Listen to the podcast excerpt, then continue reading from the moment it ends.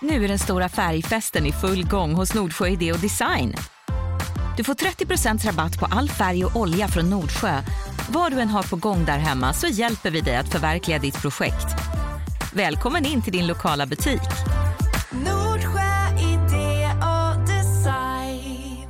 Hej och varmt välkommen till avsnitt 199 av Livshjulet med mig Anna Hegerstrand. Det är alltså sista avsnittet på 100 någonting och jag har fått en del frågor om hur jag ska uppmärksamma mitt 200 avsnitt. Det tråkiga svaret är att det inte blir något över det vanliga, ja, mer än att jag såklart har bjudit in en högst efterfrågad dam som kommer att gästa mig. Livshjulet snurrar fortare än någonsin i mitt liv just nu när jag bollar mammaledighet med jobb och jag kämpar på så gott jag kan för att upprätthålla någon slags hyfsad nivå i det jag har för händerna. Utöver det finns varken tid eller energi till utsvävningar och så ser det helt enkelt ut just nu. Den här veckan gästas jag av en man som har firat både 100 och 200 avsnitt av sin intervjupodd. Han är nu på god väg mot avsnitt 300. Det är Värvets Kristoffer Triumf som gästar Livshjulet den här veckan och vi sågs måndagen den 20 mars i vår gemensamma distributör Acast Studio. För några veckor sedan firade Värvet fem år och Kristoffer han firade 43 år. Hur han känner inför att bli äldre och hur många år till han tänker att Värvet ska få leva berättar han om i veckans avsnitt. Bland annat. Det senaste året har livet förändrats för Kristoffer som skilt sig och blivit varannan vecka förälder, träffat kärleken på nytt och flyttat från Vällingby in till Kungsholmen i Stockholm. Och mer om detta alldeles alldeles strax. Mig kan du följa på sociala medier och Livshjulet följer du bäst på Facebook-sidan. Jag heter Anna Hegerstrand på Instagram och snälla gå nu in och gilla Livshjulet på Facebook så blir jag väldigt, väldigt glad. Nu Kristoffer Triumfs livshjul, varsågod.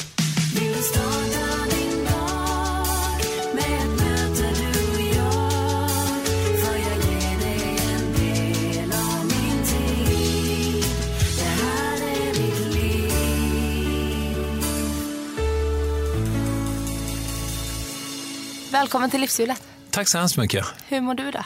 Ja, men jag mår bra. Jag är eh, lite hög på eh, High on Life och eh, stresshormon. Eh, jag gjorde precis en annan podcast precis innan jag kom hit. Eh, så att det blev lite back-to-back. Men det är härligt också. Gjorde du en annan podcast av samma typ som min eller kommer du få prata om saker som du inte redan har gått Nej, jag har svårt att tänka mig att det går i varandra. Det var eh, Charlie och Mattias på riktigt, Lyxfällan-killarna som har en podcast om ekonomi.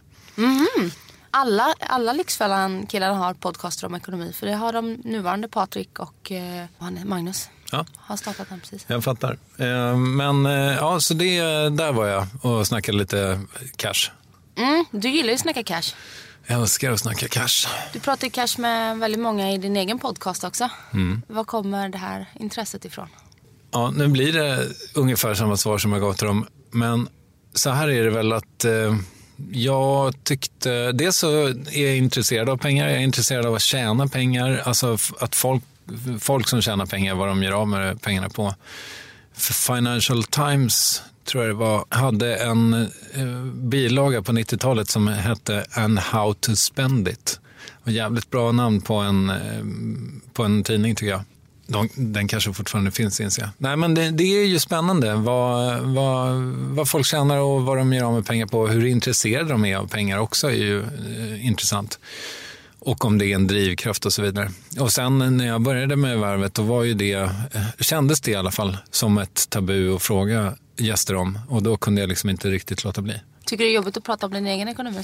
Nej, jag tycker inte att det är så jobbigt. Det är väl eh, mest det att jag inte, eh, trots att jag då frågar mina gäster om det, inte har så jätte, jättebra koll. Eh, Det kan ju jag tycka är lite pinsamt egentligen eftersom jag är liksom vuxen och egenföretagare och sådär.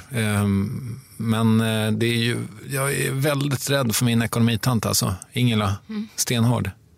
Så att, ehm, ja, Men om du är så intresserad av pengar, hur hänger det ihop med att du inte har så bra koll på din egen ekonomi? Ja, men jag är mer nyfiken på, på andras pengar. Men det är väl som, eh, eh, det är väl som eh, jobbet i stort. Liksom, att om, jag hade varit, om jag hade varit mest intresserad av mig själv så hade jag kanske inte gjort en podcast där jag intervjuade andra. Alltså även om jag hade kunnat hålla på så länge i sådana fall om jag inte hade varit nyfiken på andra människor. För det är ju liksom i förlängningen att jag liksom speglar mig i dem och försöker lära mig hur, hur det är att vara människa um, av andra som gör att jag, ja, men att jag fortfarande håller på, att jag fortfarande är nyfiken. Liksom. Um, så att det, är väl, det är väl därför, tänker jag, att jag eh, intresserar mig mer för andras pengar. För det, gräset är ju också grönare på andra sidan. Jag vet inte om du har tänkt på det, men eh, en kompis till mig som heter Magnus berättade att det, är ju, eh, det går ju att bevisa rent matematiskt att gräs, om man står rakt om man tittar rakt ner på en gräsmatta då ser den ju brunare ut. Men om man tittar på den från sidan, ja då är den ju grönare. Så att det stämmer. Rent, det går att bevisa eh, vetenskapligt. Då så. För många säger att gräset är inte grönare på andra sidan. Kan du eh, ofta drömma dig bort till andra människors liv och jämföra det med ditt eget? Ja, jag tror att det är, det är väl lite av en folksjukdom vi har fått med sociala medier. att vi, eh, vi, och det här är inte jag först med att säga, men att vi liksom eh, friserar våra vardagar så himla mycket med Instagram framför allt. Liksom, och, och, ja, men jag skämtade häromdagen, någon frågade hur länge jag och Cecilia som jag är ihop med, eh, hur länge vi var i, i Kalifornien. Och jag sa två veckor i verkligheten och tre på Instagram. Och det, så är det ju. Ehm, att man liksom, ja men det, det blir ju så jäkla lätt att tycka att det verkar, alltså man får ju sån svår FOMO av alltså fear of missing out av Instagram för att folk verkar ha så jävla härliga liv liksom.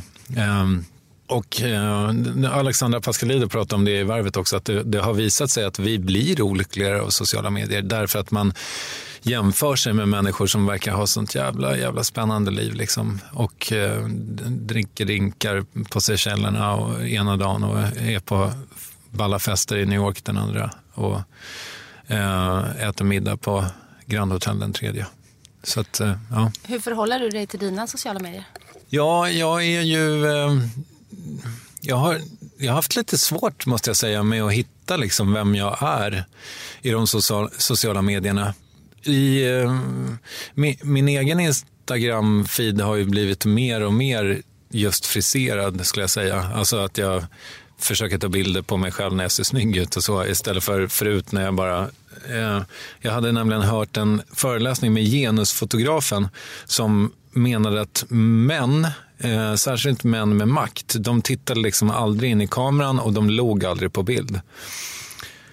Och då kände jag att jag var tvungen att göra precis tvärtom såklart. Så att jag tittade alltid in i kameran och såg alltid glad ut på alla bilder. Eh, alla selfies jag tog med gäster och sådär. Eh, och sen så kändes det väl lite gammalt efter två, tre år av det. Så att eh, nu, eh, nu postar jag mer sällan och försöker välja lite mer så vad jag, vad jag gör och försöker göra det bättre. Men, men eh, jag har haft lite knepigt med det där. Jag har inte, jag har inte riktigt liksom... Det känns så tråkigt att säga att, jag, att det har med min ålder att göra, men, men jag tänker att äh, människor som är något yngre, som kanske mer har växt upp med, med Instagram, ja fan, då ska man vara ganska mycket yngre än jag i och för sig, för att ha kunnat göra det. Men, 20 år yngre. Ja, men exakt. Jo, men de, där, där har man kanske en annan naturlighet kring hur man eh, för sig. Jag hade jätte, jättesvårt att hitta min egen ton på Twitter och sådär. Det tog otroligt lång tid och jag vet inte ens om jag har gjort det riktigt ännu. Och jag märker också att när jag skriver ett ganska roligt skämt på Twitter så flyger det ganska dåligt därför att min publik är liksom inte skämt-retweetare. De är mer så här, vad, vad händer med värvet kanske, eh, på sin höjd. Liksom. Eh, att det är där intresset rör sig kring. Så att, ja, eh, jag tycker inte att det är skitenkelt, men jag investerar kanske inte så otroligt mycket känslor i det heller. Så här, jag kan posta en bild och sen glömmer jag bort det. Eh, alltså, det är inte så att jag sitter och räknar likes en gång i minuten. Eh, så. Samtidigt som sociala medier är ju otroligt, en otroligt viktig kanal. Och du har, när jag kollade senast, 26 000 följare på Instagram. Twitter vet jag inte för jag har aldrig haft Twitter själv. Nej. Jag har en liten föreställning om att det bara är hippa media eh, svenskar som har Twitter. Ja, i Och jag räknar fall. mig inte till dem. Nej, i sådana fall har ju Jag vet inte, de största kontona har väl kanske runt en kvarts miljon, alltså så här, typ Alexander Bard, kanske lite mer till och med. Eh, Alexander Bard och Fredrik Wikingsson och sådär. Eh, ja, för att inte tala om de här YouTube-stjärnorna, de är väl gigantiska, men om man har en internationell publik. Eh, Men sen så har du i alla fall eh, Facebook har 18 000. Jag har 46 000 följare på Twitter tror jag. Ja, ah, okej. Alltså Eh. det är din största kanal.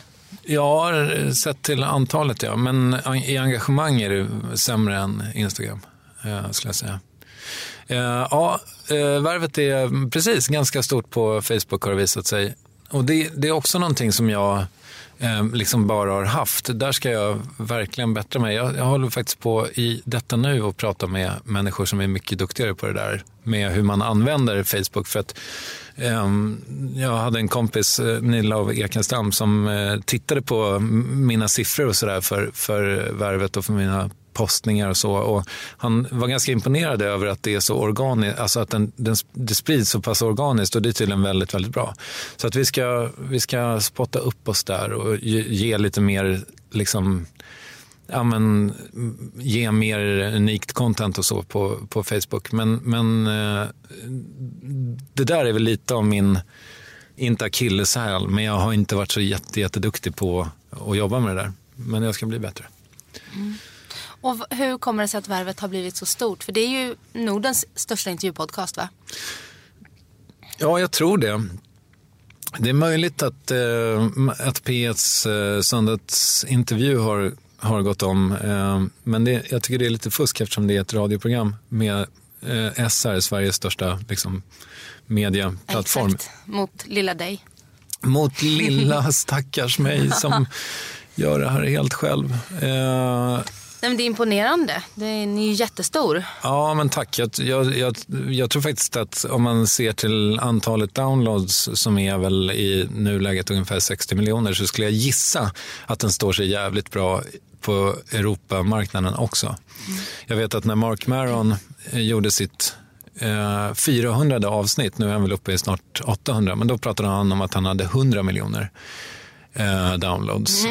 Och jag vet inte, när jag är uppe i 400 avsnitt, det är inte omöjligt att jag kommer ha likadana siffror, vilket säger lite grann om hur jäkla stort podcast är i Sverige per capita. Och du säger någonting om Värvet också. Du borde också få Obama. Mm, verkligen, Men, eller Stefan Löfven då kanske. Ja. Nej, jag tycker i och för sig Trump nu då. Skulle du intervjua Trump om du fick? Ja, självklart. Självklart. Det är väldigt få, ehm, alltså jag skulle nog eh, i alla fall kunna överväga att göra Jimmy Åkesson också. Eh, särskilt, eh, i alla fall om jag liksom gjorde någon slags satsning kring valet och gjorde alla, då skulle jag liksom inte utesluta honom. Har du fått eh, någon förfrågan? Från, från SDs kansli? Nej, det har jag inte fått. Men eh, däremot så tror jag att jag kommer ha en tung politiker under våren. Kan inte riktigt säga vilken ännu eftersom det inte är hundra klart. Vad spännande. Ja, eh, det blir kul. Och eh, Värvet, du har ju gjort det, firade fem år här för någon månad sedan. Mm. Som du firar med chokladtårta såg jag på Instagram. Ja, det var, det var det det blev. Jag hade otroligt storslagna planer för hur det skulle firas. Men jag, jag kom på det så jävla sent. För att det, det där är ju någonting som, som det är bara jag som, liksom, ja, femårsjubileum är ju luddigt. Ehm, så att ja, jag hade jättekul eh, planer att jag skulle bjuda in alla gamla gäster på olika sätt och så här. Men eh, ja, jag hann, hann inte. Men då pratade jag med Hanna Videll om det, som, eh, vars podcast också fyller fem år i år. Så de började någon månad innan mig tror jag. Eh, Så att, eh, och hon sa så här, ja, ja men det är hela året man har på sig att fira. Så att det, är, det är inte helt omöjligt att det blir något slags femårsfirande förr eller senare. Men, men eh, ja. Jag tror, att, jag tror att Värvet, eh, Hanna och Amandas podcast och Alex och Sigge, alla ni tre startade inom en tio veckors period. Ja, någonting sånt. Eh, Jag, vet, jag käkade lunch med, med Sigge innan deras podcast hade sett dagens ljus. Ehm, och då var han bara någon som hade skrivit en cool eh, rundabordssamtalartikel eh, eh, om sex i, i tidningen Bonn och jobbade med Filip och Fredrik för mig. Men ehm, vi tog en lunch på Bakfickan som är eh, ett eh, anrikt hak i Stockholm för er som inte bor här. På Eh, Narvavägen. nej, inte Eriks bakficka utan eh, Operakällarens bakficka. Ah, okej. Så att det är liksom till och med lite flottare än så. Och sen så kom han dit i taxi, hade glömt plånboken så jag fick lösa ut honom ur taxin och betala för lunchen. Eh, och sen så eh, fick jag också berätta massa saker om hur det är att ha podd. Så att, eh, ja, jag vill inte skryta men inte säker på att Alex och Sigge hade funnits utan mig. Jo, det kanske den hade. Men eh, jag var i alla fall eh, med och, och hjälpte till lite. Och hur länge tänker du att värvet ska få fortsätta finnas? Jag har ju ehm, alltid eh, tänkt att eh, det är någonting som ska ta slut förr eller senare. Därför att jag, ja, men, jag, jag, jag har liksom tänkt att det är så det, så det går till. Alltså, dels så, jag har aldrig haft ett jobb så här länge förut, som fem år. Eh, dels att jag liksom, eh, ja men, jag vill liksom inte bli eh, Leif Loket Olsson och Bingolotto, någonting som liksom bara finns och som är en institution. Så här. Det är ju härligt att vara en institution förvisso, men jag vill, jag vill ju göra en massa andra grejer också.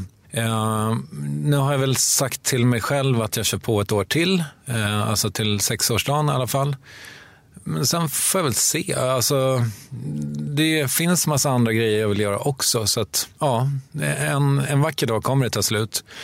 Och jag vet inte när det blir. Eh, det är å ena sidan. Å andra sidan så känner jag så här, men fan, det är lite provocerande också att jag tänker att det måste ta slut. Därför att jag tror, ja men, återigen då, Mark Maron är uppe i 800 avsnitt och liksom, jag har så jävla svårt att tänka mig att det är någon som eller att han känner så här att han måste sluta. För det känns som att det finns en annan tradition i Amerika av, liksom, ja men, Letterman jobbade på samma talkshow i 350 år och liksom, det är någonting, det finns en annan inställning till att ha en hit och, och putsa på den juvelen eh, för alltid. Jag, jag vet inte var det kommer ifrån det här med att jag tänker att man inte kan göra någonting i tusen år. Liksom. Men det är väl det också. Jag, jag, jag är ju en rastlös person.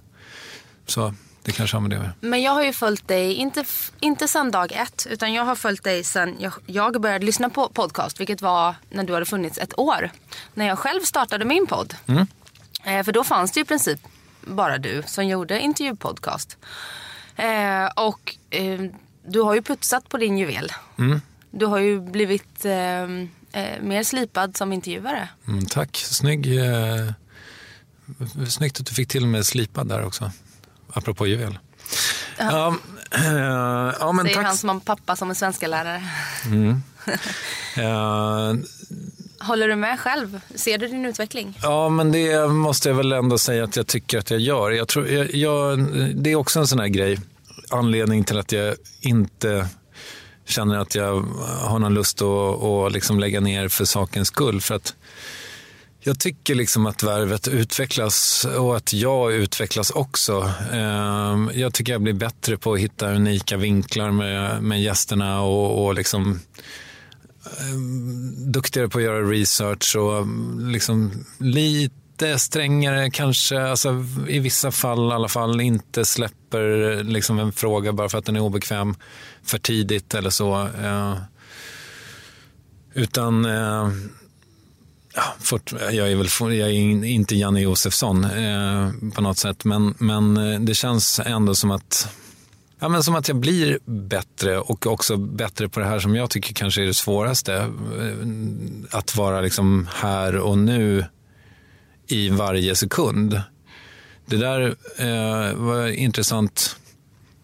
Ska jag referera till Alex och Sigges podcast för omväxlings skull. Men eh, eh, Alex pratade i senaste avsnittet om att han och Lena Endre hade pratat om det här med att vara närvarande i texten. Och hon sa att eh, hon hade sagt att eh, alltså, man märker publiken märker direkt när du inte är i texten, när du står och funderar på vad du ska äta till middag istället. så att säga.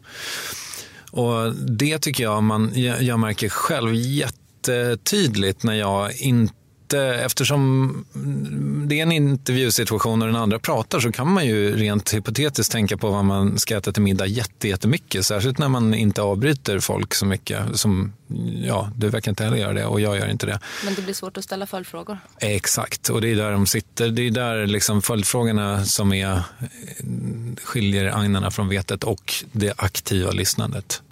Och när du själv gör intervjuer, som nu när du ger mig en intervju, sitter du och funderar på varför, varför följer du inte upp med det här? Eller? Nej. Nej, jag tycker du är duktig. Eh, Jag har lyssnat på ganska många av dina program i studiesyfte. Förra gången vi såg så satte du dit mig för att jag trodde att man skulle få ge, bort, eh, ge betyg på sina livstårtbitar.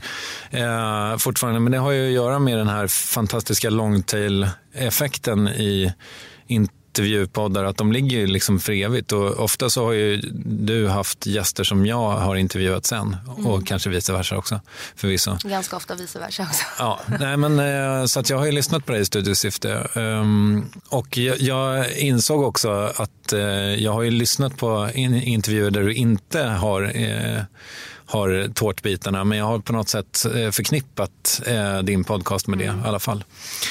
Eh, nej, det, nej, det gör jag inte. Jag är inte så skadad. Men däremot så kan jag tycka att eh, det finns... Ja, men det är ganska ofta som man sitter i intervjusituationer och liksom, att folk öppnar med en fråga som man har fått sex miljoner gånger och som det går att googla sig till. Och då tycker jag att eh, reportern i fråga kanske inte har gjort sin hemläxa och då blir jag lite sur för det. Och så blir jag lite mer defensiv i intervjun. Men, men eh, det där får man ju försöka skaka av sig också för att det är ju mm, liksom, jag har ju bara att tjäna på, tjäna på att vara bra eller liksom generös i intervjun.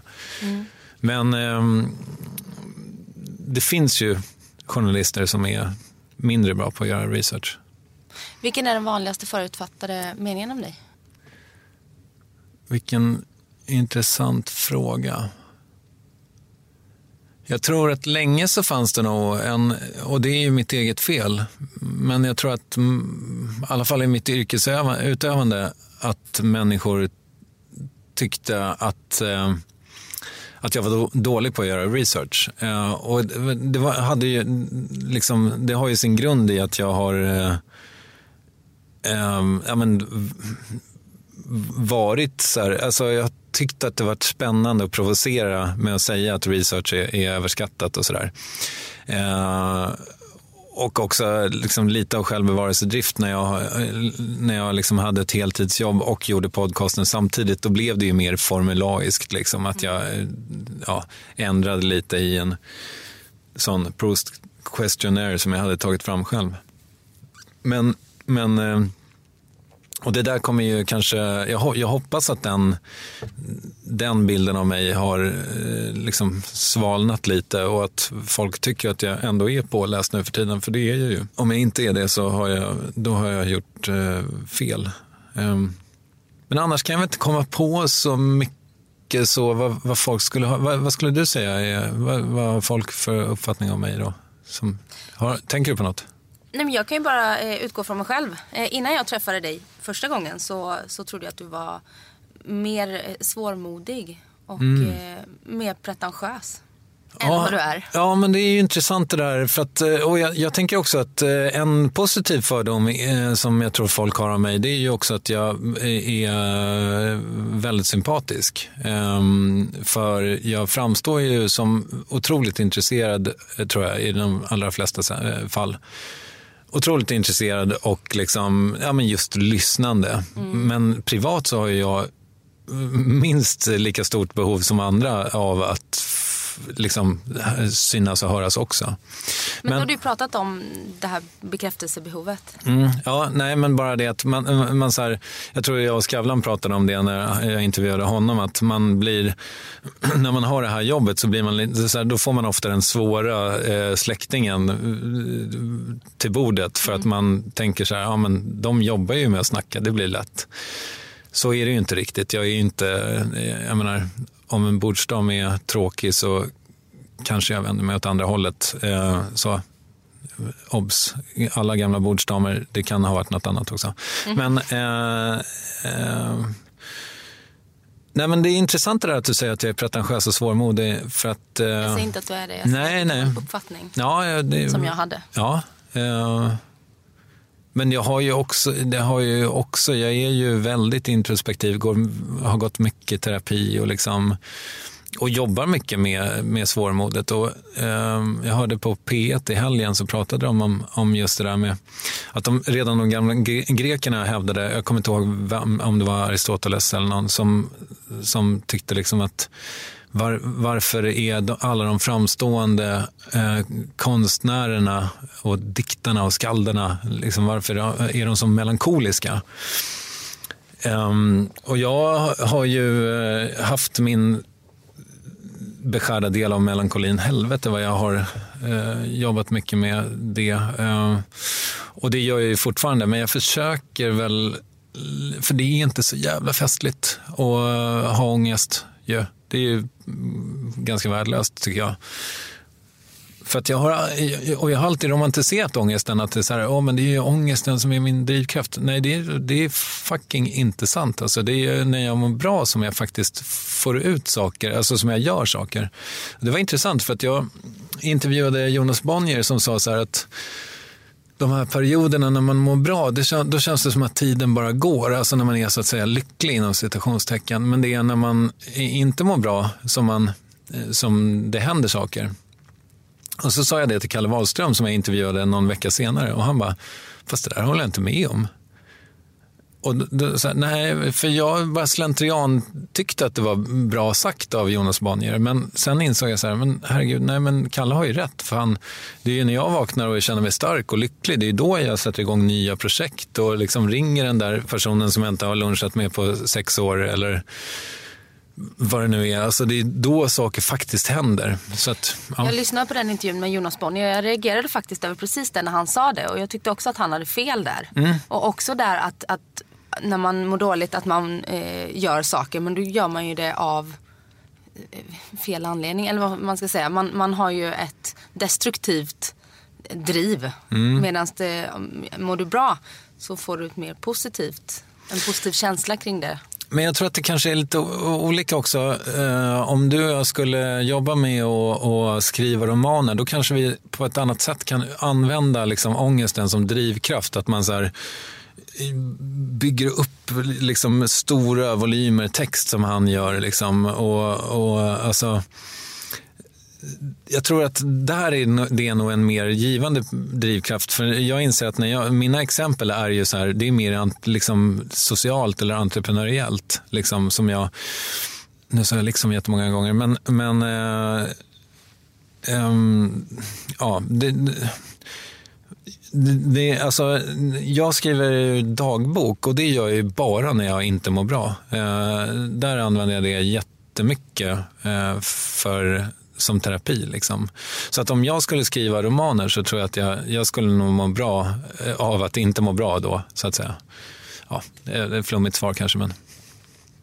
Hur ser din ångest ut idag? Ja, men eh, just i detta ögonblick så är den väl eh, i, princip, eh, den är i schack.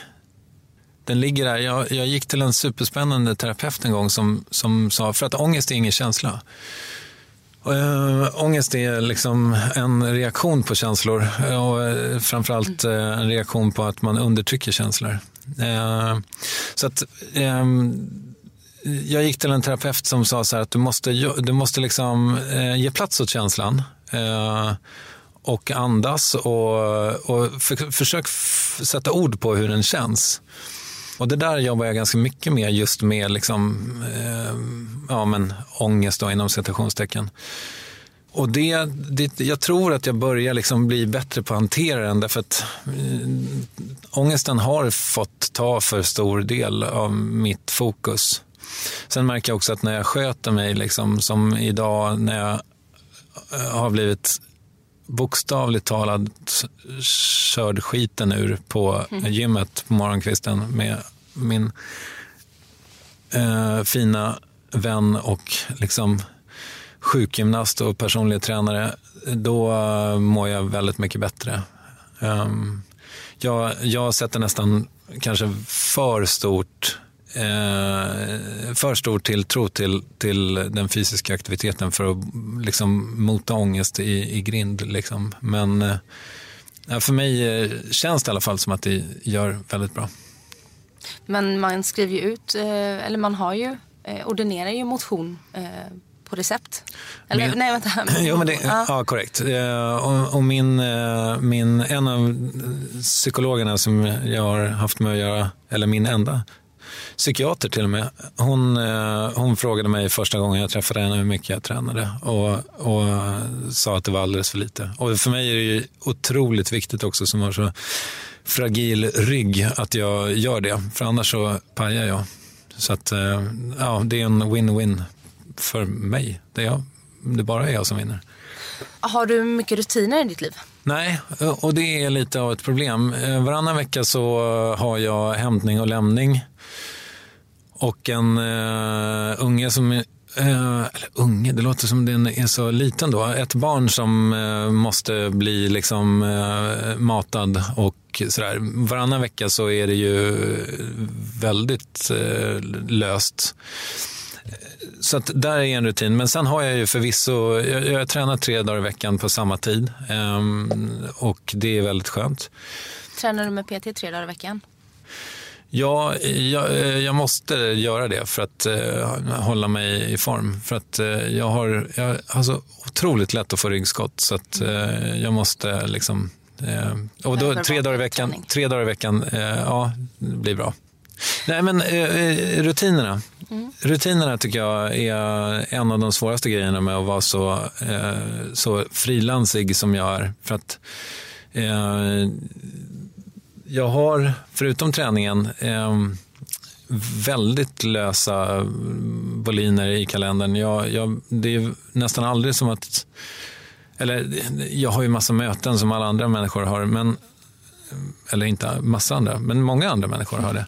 Eh, Men däremellan så är det ju jag som bestämmer liksom var jag ska göra min research eller var jag ska lyssna på eh, korrekturlyssna på mina intervjuer. Eller så alltså jag har ju en extremt fri tillvaro, vilket eh, är Både på gott såklart, för det är ju otroligt avundsvärt tror jag för väldigt många människor som sitter på kontor att kunna få vara vad fan man vill. Men å andra sidan så ger det ju också vissa dagar en viss känsla av ehm, att man faktiskt inte är behövd av någon. Eh, det kan ju gå en dag utan att telefonen ringer, så att säga. Och det kan jag tycka är lite knepigt. Eh, så att jag, jag har tänkt att jag ska bli ännu bättre på att göra rutiner för mig själv. Just för att, ehm, för att undvika det där med, med liksom, ja, men ett fyra timmars block i en helt vanlig vardag i kalendern där jag inte har ett piss att göra. Jag lyssnade på Revarvet med Henrik Schyffert. Mm. Han upplevde väl samma sak va? Ja, det är möjligt, jag minns inte, du får påminna mig. Jo, jag tror ni till och med pratade om det väldigt tidigt i intervjun. Att han hade inte så mycket att göra. Han, tyckte det var, han mådde som bäst när han har skitmycket att göra. Och nu Mm. hade han inte så mycket att göra och då mådde han inte så bra. Nej. Nej, men det är svårt. Det är, och, ja, det är svårt att, att eh, begära att människor ska tycka synd om mig eller Henrik Schyffert eh, för att vi har för fria liv. Men, det, men så är det ju. Alltså, Men är värvet en eh, heltidstjänst? Skulle du säga att det motsvarar det? Ja, fast den, alltså min tjej inkluderat tycker ju att det är jättekonstigt att jag har så fritt liv. Men, eh, men det är det ju. Jag, jag lägger ner väldigt mycket möda på research och det är liksom ett, eh, ja, men det är ett heltidsjobb och och sätta sig in i människors, liksom en, en människa i veckans eh, professionella gärning. Liksom, ofta människor som kommer till mig har ju gjort jävligt mycket också. Eh, Camilla Läckberg som kommer nu vilken dag som helst har ju liksom skrivit åtta romaner eller vad det är. Eh, och massa bokprojekt och eh, gör låtar och liksom, det är mycket som man ska eh, försöka förstå. Sen ja, som du kanske förstår så research läser man ju eh, lite, alltså det vill säga jag kanske inte läser varje tecken som hon har skrivit, men jag vill ju ändå liksom sätta mig in i hennes gärning. Eller Per Andersson som också har hunnit göra eh, otroligt mycket med grotesk och så vidare. Så att, eh, ja, på sätt och vis är det ju det. Samtidigt så är det så här, om någon skulle säga, du, kan du göra talkshow i åtta veckor på SVT? Ja, jag tror jag skulle kunna squeeza in det i kalendern. Så. Och särskilt när det handlar om tv. Ja, ja, det är väl en väldigt illa bevarad hemlighet, om ens en hemlighet, att jag gärna skulle göra det. Ja, nej, den är väldigt ute, den Ja, hemligheten. bra. Ja, hur går det med eh, din eh, tv-dröm? Ja, ja, jag är ju inte på tv, eh, så att, eh, sådär får man väl säga. Men det, det smids ju ränker och eh, jag tror att det kommer hända. Det är en massa spännande spår på gång och också liksom en tanke om att kanske upprepa, istället för att då sitta och vänta på att eh, massa mellanchefer på SVT ska tycka att det är en bra idé att jag ska få göra tv. Att jag bara gör det själv. Eh, men där, är det ju, där har jag inte alls samma självförtroende som jag har med, med podderiet som jag ändå har gjort i fem år. Eh, Jag, jag har ehm, inte kunskapen om hur man gör tv på det sättet. Liksom. Sen, vad fan, hur svårt kan det vara? Du får bjuda in någon känd youtuber till värvet och- luska lite. Ja, jag, jag, jag känner ju Clara Henry lite, eh, men hen, vi vill nog göra väldigt olika saker. Så jag, min begåvning är inte att, att göra det hon gör, eh, utan jag vill nog göra mer tv-tv och det är väl därför jag har liksom försökt gå den vägen mera. Tv-tv som är gammel-tv. Ja, precis. Men det är ju på väg ut. Känns det inte mer spännande? Ja, för mig spelar egentligen inte plattformen någon roll. Det är bara det, är bara det att det, alltså produkten som jag vill få ut, den, den kommer se ut som tv-tv. Sen, sen kan den ligga på uh, YouPorns baksida om det så är. Jag tror att publiken kommer hitta den ändå därför att det kommer vara så bra när jag väl får göra det. YouPorn är Men olämpligt. ty- du ty- hittar ju en viss publik i alla fall. Jo, Ganska och det ska, det ska, ja, fast inte baksidan. De, de är på framsidan. Jag tänker mig att det ska finnas en, liksom, ja, eh, något slags intranet för de som jobbar med YouPorn. Jag, men jag vill inte vara på YouPorn, men du förstår vad jag menar. Det var bara, den, ja, det, det var en, den låg inte ens top of mind. Jag vill bara säga något roligt. Eh, ja. Men den kan ligga på, eh, inte vet jag, Viasat Play eller SVT Play eller liksom whatever. För att eh, jag har en en stor liksom, plattform som jag förhoppningsvis kan dra folk från och Verkligen. till det nya.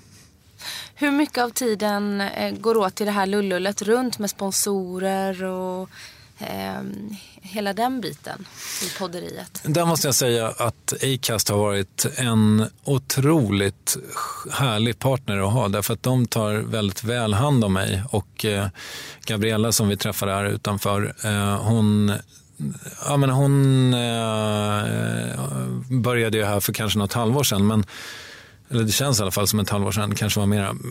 Och hon har liksom, ja men hon har inneburit väldigt mycket eh, det har blivit väldigt mycket lättare att, att jobba för mig. Eh, Alltså Acast var bra innan henne också, men hon är ju projektledare på ett eh, bra sätt. Det har blivit ju supertekniskt och kanske ointressant för lyssnaren, men det är inte så jäkla mycket jobb omkring. Eh, Jag, tycker, jag gillar förvisso att vara delaktig i försäljning och sådär. Jag, alltså jag älskar ju värvet och är jättestolt över det. Jag har till och med tatuerat värvet på innan armen, eller vad det heter. Har du gjort det? Ja, det har jag gjort. Vill du se? Ja. Mm, det kan vi ordna. Det finns ingen bild på din Instagram på den. Nej, jag har inte varit så... Titta, har du skrivit det själv också? Nej, det här är alltså sex av mina gäster som har skrivit. Vilka gäster? jag kan inte riktigt det utan till, men R är i alla fall Lars Lerins.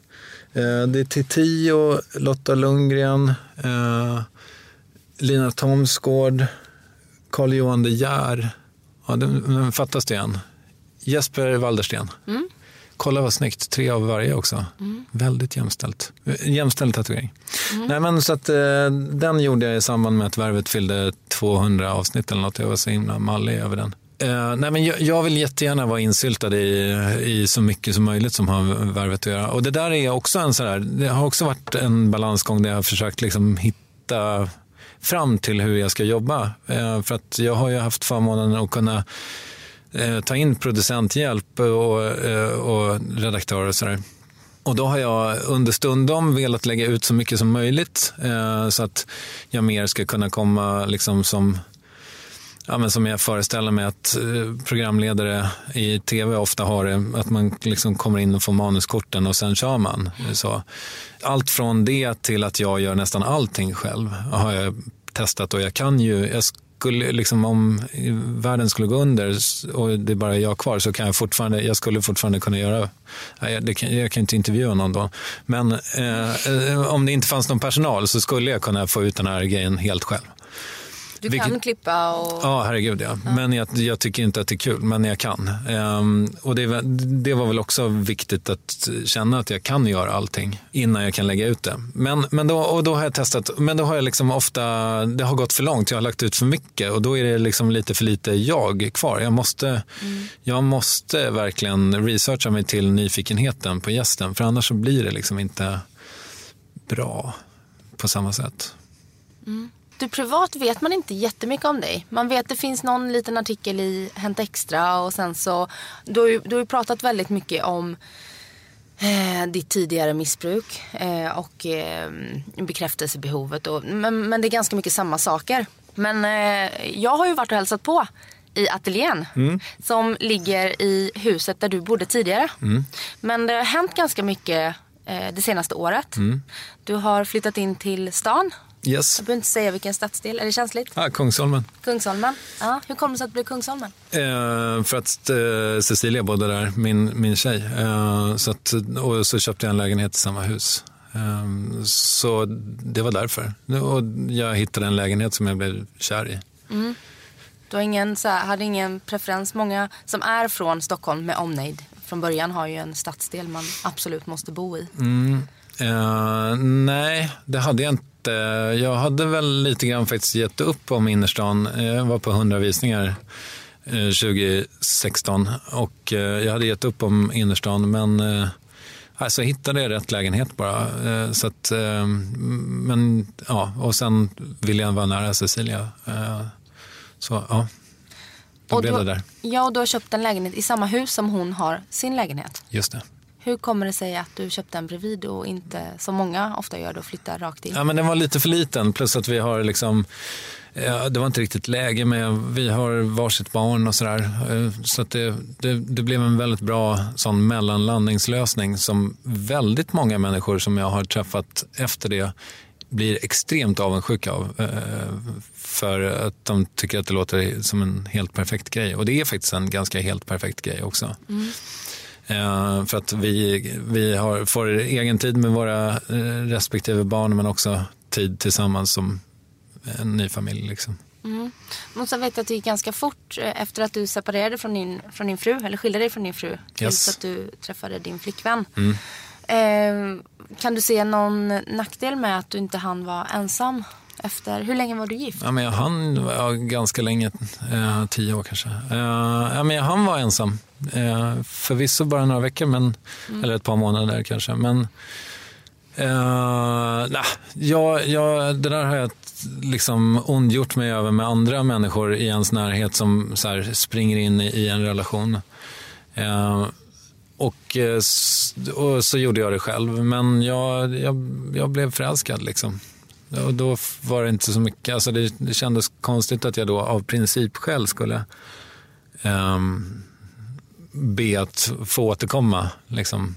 Ehm, Om ett halvår när jag enligt mallen då har gjort exakt. rätt. Ja, nej, så att det, det, det, det blev som det blev. Men ja, nackdelen var väl att, det, det, alltså så här, utan att gå in på några detaljer så kan man väl säga att det har varit visst stök. Men jag tycker att allting eh, börjar eh, landa nu på ett väldigt bra sätt. Och att vara varannan vecka förälder. Vad finns det för positivt och negativt med det? Louis CK har ju något eh, väldigt roligt skämt om det där. Han säger det mycket bättre än jag, men han har ju något skämt om att alla ni som är gifta med barn som sitter här i publiken, ja, ni kan ju säga vad ni vill, men jag har det liksom bättre. Varannan vecka får jag äta glass och runka och eh, nästa vecka så får jag eh, liksom eh, sköta mig och, och ha ordning på, på livet. Ehm, Louis CK pratar ju också väldigt mycket skit om sina barn. Ja, eh, på ett roligt sätt. Ja, Nej, det. Nej, men, ehm, jag tycker väl, alltså det är klart att jag saknar honom, men det blir ju också, det är en klyscha, men det blir ju liksom som att man värdesätter tiden tillsammans ännu mer. Eh, så att jag tycker nog att det är, ja, det är väl klart att jag hade gärna velat ha honom hela tiden så, men, men eh, ja, det, det är som det är. Jag tror att det, det blev nog bättre för alla inblandade tror jag, utan att gå in på några detaljer där heller. Mm. Vad, vad har du tagit med dig från din skilsmässa? Jag vet, eh, vet du, jag tror faktiskt att det är lite, alltså konstigt nog då kanske, men det är lite för tidigt att säga tror jag. Jag, jag är inte säker på att jag är, kan svara på det än. Um, utan att liksom hänga ut någon eller så. Jag, jag, jag tycker att det är härligast om jag liksom kan prata utifrån bara mig. Och, eh, jag tycker nog att jag på sätt och vis i alla fall har utifrån de förutsättningar jag hade så har jag nog Eh, jag vågade till exempel ta hjälp av en terapeut för att deala med mycket av det jag, jag har dealat med. eh, Och det har varit väldigt välgörande. Men i övrigt så jag, jag, jag, det är lite för tajt inpå. Jag har inget helikopterperspektiv så jag kan inte riktigt, eh, jag kan inte säga något smart. eh, eh, Tyvärr. Hur tror du att du är att leva med? Jag tror att jag är väldigt härlig att leva med när jag mår bra, vilket jag ju för det mesta gör. Men jag, och sen så tror jag att jag är ganska jobbig att leva med när jag inte mår bra. Men jag, det där är också någonting som jag jobbar på på olika sätt och, och få ordning på. Ehm, ja, men just det där vi pratade om tidigare, om att liksom försöka bearbeta med eller leva med sin ångest. Så ju duktigare jag blir på det, desto enklare och härligare är ju att vara med. Jag, är, jag tror mig vara väldigt generös med, med liksom all- ja, allt möjligt. Jag tycker om att skämma bort människor som jag tycker om liksom, i min närhet. Um, och så på så sätt så, så tror jag och hoppas jag att jag är en härlig person att, att ha i sitt liv. Och för eh, några veckor sedan så fyllde du 43. Mm. Första mars va? Ja. Mm. Vad tycker du om att eh, fylla år, ännu ett år och bli äldre? Fylla år tycker jag väldigt mycket om egentligen. Alltså, det var väldigt laddat för mig när jag var liten. Eh, Det kanske är för alla. Laddat på ett positivt sätt. Ja, precis. Man och väntade på morgonen där. Precis, sovräv. Ehm, och eh, så är det väl fortfarande till viss del. Ehm, men jag fyller alltid år på sportlovet nu för tiden. Så att, eh, det, eh, ja, det är ju... Ja, det, var, det var, det fanns inte så många som kunde fira mig. Men eh, jag fyller ju också år nästan precis samtidigt som Värvet. Så att vi kan liksom fira tillsammans, jag och min podcast. Vilket låter ju eh, otroligt sorgligt på sätt och vis. Att, alltså att det bara är jag och Värvet som ses på Illcafé. Och, eh, Äter chokladtårta. exakt. eh, nej, men, men däremot så med åldrandet i, generellt så börjar jag väl liksom kanske lite grann och inte tycka att det är det härligaste som finns. Men jag, och, och blir sådär orimligt glad när, när eh, ens massös säger att man absolut inte ser ut som 43 och så. Ehm, och att jag också så sakteliga börjar fatta att, det, att livet kommer ta slut någon dag. Vilket jag ju har varit liksom i sån lycklig ignorans kring. Ehm, kan man säga ignorans på det sättet på svenska? Ja, jag vet inte, men okunnighet. Ehm, så att, ehm, ja, det, det är inte enkom positivt att åldras längre faktiskt. Har du, eh, har du dödsångest? Dödsångest är att, att ta i. Ehm, men, eh, men jag tycker inte om eh, det faktum att jag är närmare pensionen än jag är till det min karriär började när jag var 19. Ehm, den, den eh, ekvationen är jag inte tokig i. Alltså om, givet att jag går i pension när jag är 65. Vilket jag väl inte kommer göra förmodligen. Men, men det där att man är liksom på, eh, i nedförsbacken nu. Ja, det är, vad fan, jag, är- jag, jag har ju bara börjat. Eh, jag var ju förvisso en, lite av en late bloomer eh, på många sätt. Så att, jag hoppas ju att jag har mycket kvar att ge. Och förra gången du och jag såg så pratade vi jättemycket om Ernst Kirchsteiger. Och jag är inte ens säker på att han hade tv-debuterat när han var 43. Eller möjligen att han gjorde det där i krokarna. Mm, Det var där, ja, precis. Det var där i krokarna. Vilket ju ger en lite hopp också. Ehm, ja. Men du hade ju en ganska en lång och eh, bra karriär inom eh, reklambranschen. Innan du började med Värvet. Du, du gjorde ju, eh, bytte ju karriär kan man säga, mitt i livet. Eh, och nu så gör du en podcast för Volvo där du träffar personer som har start, start, eller gett upp sina karriärer för att ägna sig åt sin dröm.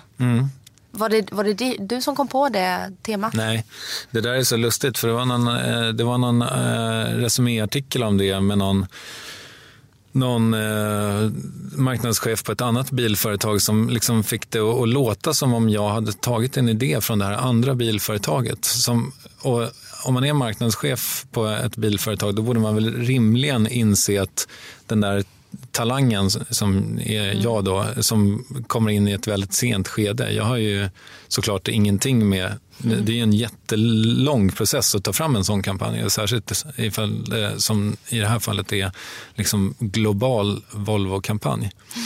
Eh, som jag fick vara med i den svenska liksom, delen av. Då.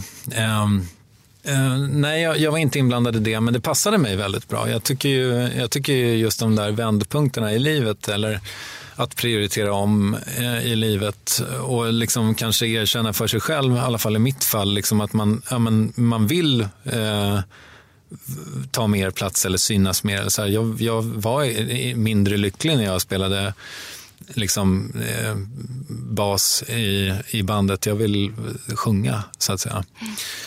Ehm, så att, ja, på, nu kommer jag inte riktigt ihåg vad frågan var. Men, Jo, ehm, om, du, om du hade någonting att göra med temat ja, just för, det. för Nej. Volvo-kampanjen. Nej, fast jag är väldigt glad för det. Och det, det, det var, det, jag är väldigt, väldigt stolt över de där filmerna och podcasten också. Det blev jättefint tycker jag. Ehm, och du har ju också gjort en, det här mitt i livet eh, eh, uppbrottet eh, privat. Både Mm. karriärsmässigt och privat. Tror du att det ena födde det andra? Nej, det tror jag inte. Eh, alltså, det var ju... Eh, eh, uh, ja, ja, men, men jag... Alltså...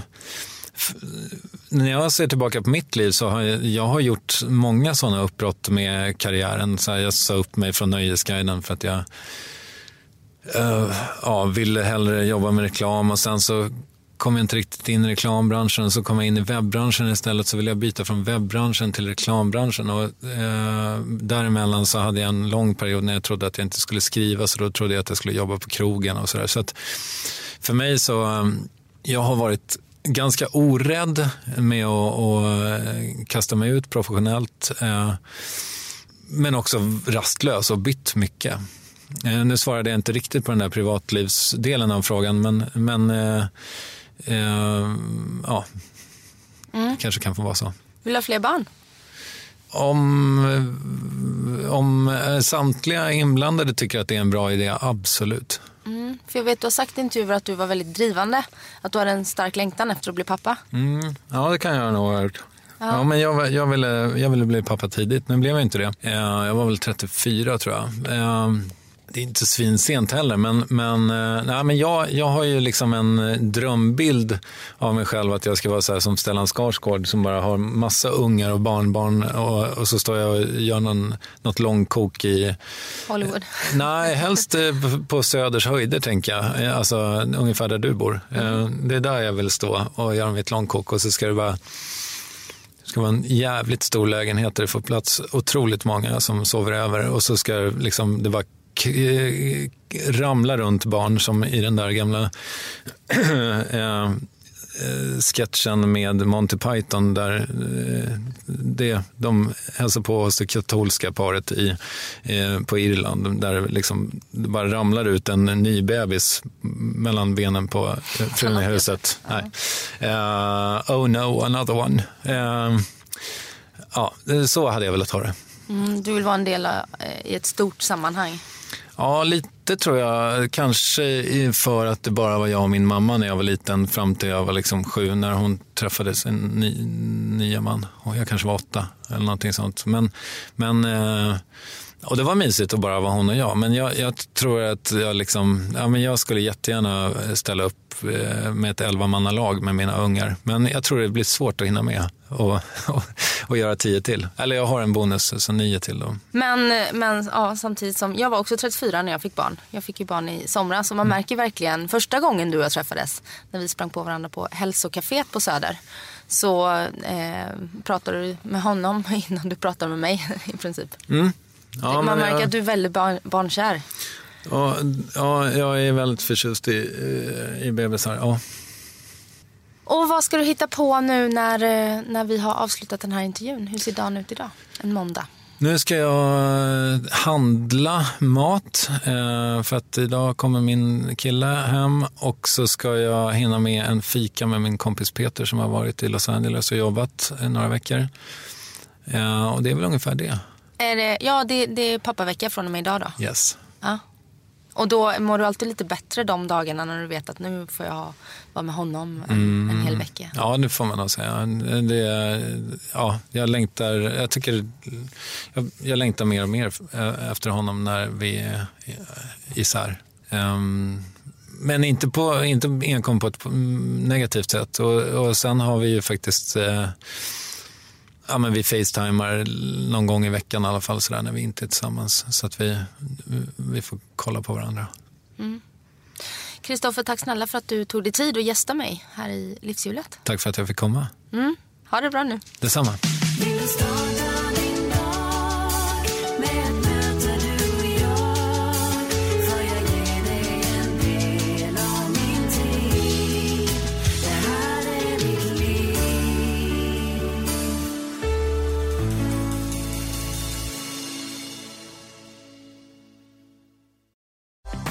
Startar vår stora färgfest med fantastiska erbjudanden för dig som ska måla om.